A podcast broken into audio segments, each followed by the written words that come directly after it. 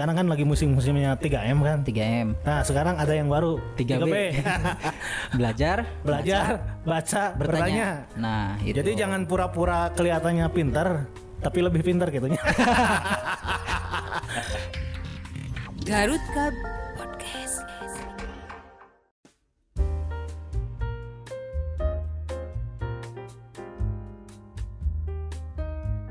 Oke, bismillahirrahmanirrahim. Assalamualaikum warahmatullahi wabarakatuh. Waalaikumsalam warahmatullahi wabarakatuh.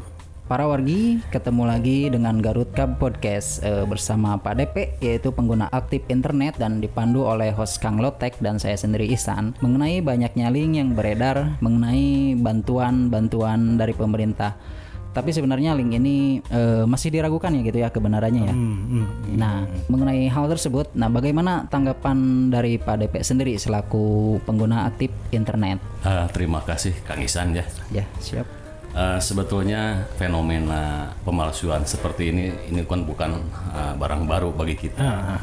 Itu udah beberapa tahun kebelakangan, mungkin saat ini semakin masif ah, pergerakannya. Di satu sisi itu apa upaya bagi mereka pelaku Kejahatan. katakanlah ya pelaku kejahatan yang untuk mencari keuntungan dari apa dari kelalaian si pengguna internet itu sendiri.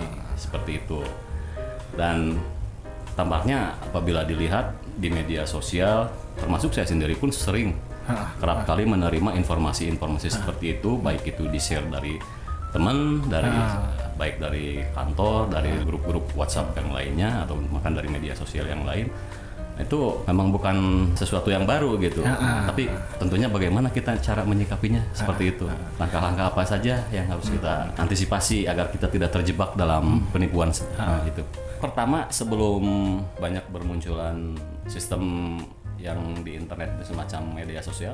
Itu kan dulu kita sering menerima juga ya di Lewat SMS ya? ah, Ah, SMS. itu tidak sedikit juga korban yang menjadi korban atas penipuan tersebut. Nah sekarang ah, karena teknologi informasi berkembang. nah, di satu sisi ya tingkat katakanlah tingkat kejahatan juga ikut turut berkembang gitu. Dia memodifikasi bagaimana caranya memanfaatkan IT untuk bisa menjebak gitu seperti itu Tapi maaf ini, saya mau tanya ini, Bapak pernah ketipu?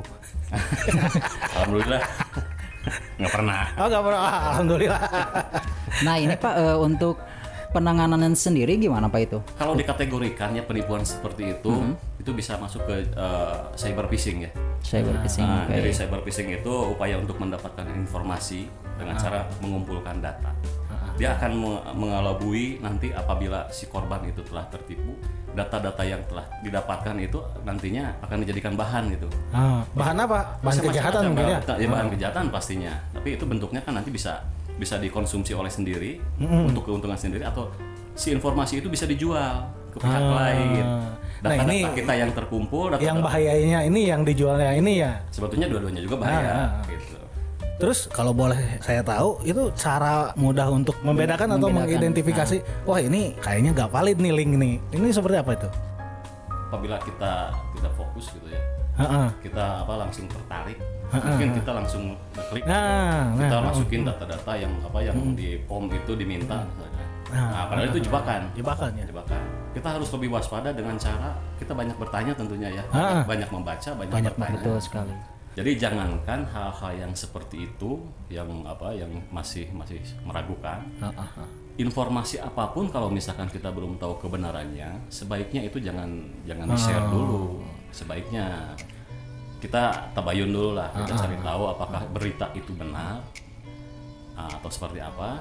Kalaupun benar apakah nanti ketika di share akan berdampak pada orang yang pertama ngirim? Apakah berdampak kepada orang banyak?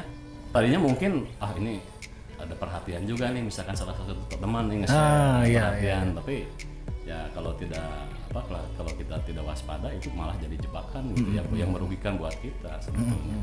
Salah satu upaya ya kita cek ya, cek dulu kebenarannya minimal ke instansi yang yang apa yang ada keterkaitan Ah. gitu. Apakah Nah, ini kita- ini ini. kalau ke tenaga kerjaan otomatis kita bisa bisa bertanya minimal ke dis- ke dinasnya gitu. Ya, ah. Dinas tenaga kerja. Atau mungkin bisa lewat online juga bisa kan? Ya bisa saja. Ah, Bisa kalau saja. misalkan tenaga kerja kita ke Kementerian Tenaga Kerja benar nggak ini?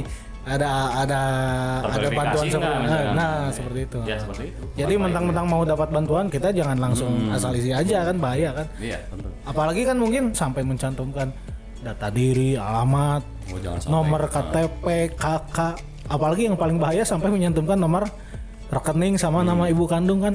Wah itu fatal Nah, nah itu elemen-elemen data yang harus dihindari Nah, itu. Jangan sampai apa tercecer keluar gitu informasi Hmm. seperti itu. Kalau menyangkut elemen data yang diminta itu menurut kita rentan, ya janganlah, jangan sekali-kali dibagikan gitu. Jadi mungkin harus ada pemahaman bahwa data privasi yang sifatnya sensitif kita jangan asal ngisi kan. iya. Oke, jadi mungkin eh, pelajaran yang dapat kita petik hari ini pertama kita harus pandai-pandai jaga data kerahasiaan, mungkin kerahasiaan, pri- Kerahasiaan. pribadi, mungkin pribadi ya. ya. Juga langkah preventif nih, Nah, langkah preventif juga belajar, bertanya, terus membaca. Jadi 3B, baca, belajar, bertanya seperti itu. Nah, Nah, kemudian ini ini ini. Sekarang kan lagi musim-musimnya 3M kan. 3M, Nah, sekarang ada yang baru 3B. belajar, Belajar, baca, bertanya. Nah, itu. Jadi jangan pura-pura kelihatannya pintar, tapi lebih pintar gitunya. Mending kalau misalkan kalau memang saya apa kurang paham ya lah jangan belaga pintar lah, mending Gak usah malu. Gak usah malu lah. Jadi intinya ya itu tadi preventif Hmm. dan 3B terus eh, jaga kerahasiaan data anak, eh data keluarga, data anak, data pribadi seperti itu. Demikian pembahasan eh, tentang banyaknya link yang beredar di aplikasi chatting mengenai bantuan dari pemerintah. Nah, ini kan Yang nyata-nyatanya ah, belum tentu ternyata, kebenarannya. ah, nah, seperti itu. jadi seperti itu tadi kita harus eh, mengamalkan preventif dan 3B. Belajar, baca dan bertanya agar agar teka tipu. teka tipu. Kalau kalau misalkan nanti udah ketipu kan nggak tanggung jawab kan, Ah, ah, ah, ah, repot betul. Eh, demikian eh, saya Ihsan Kang Lotek bersama Pak DP ya pengguna aktif internet Undur diri. undur diri. Bila itu ya. Wassalamualaikum warahmatullahi wabarakatuh.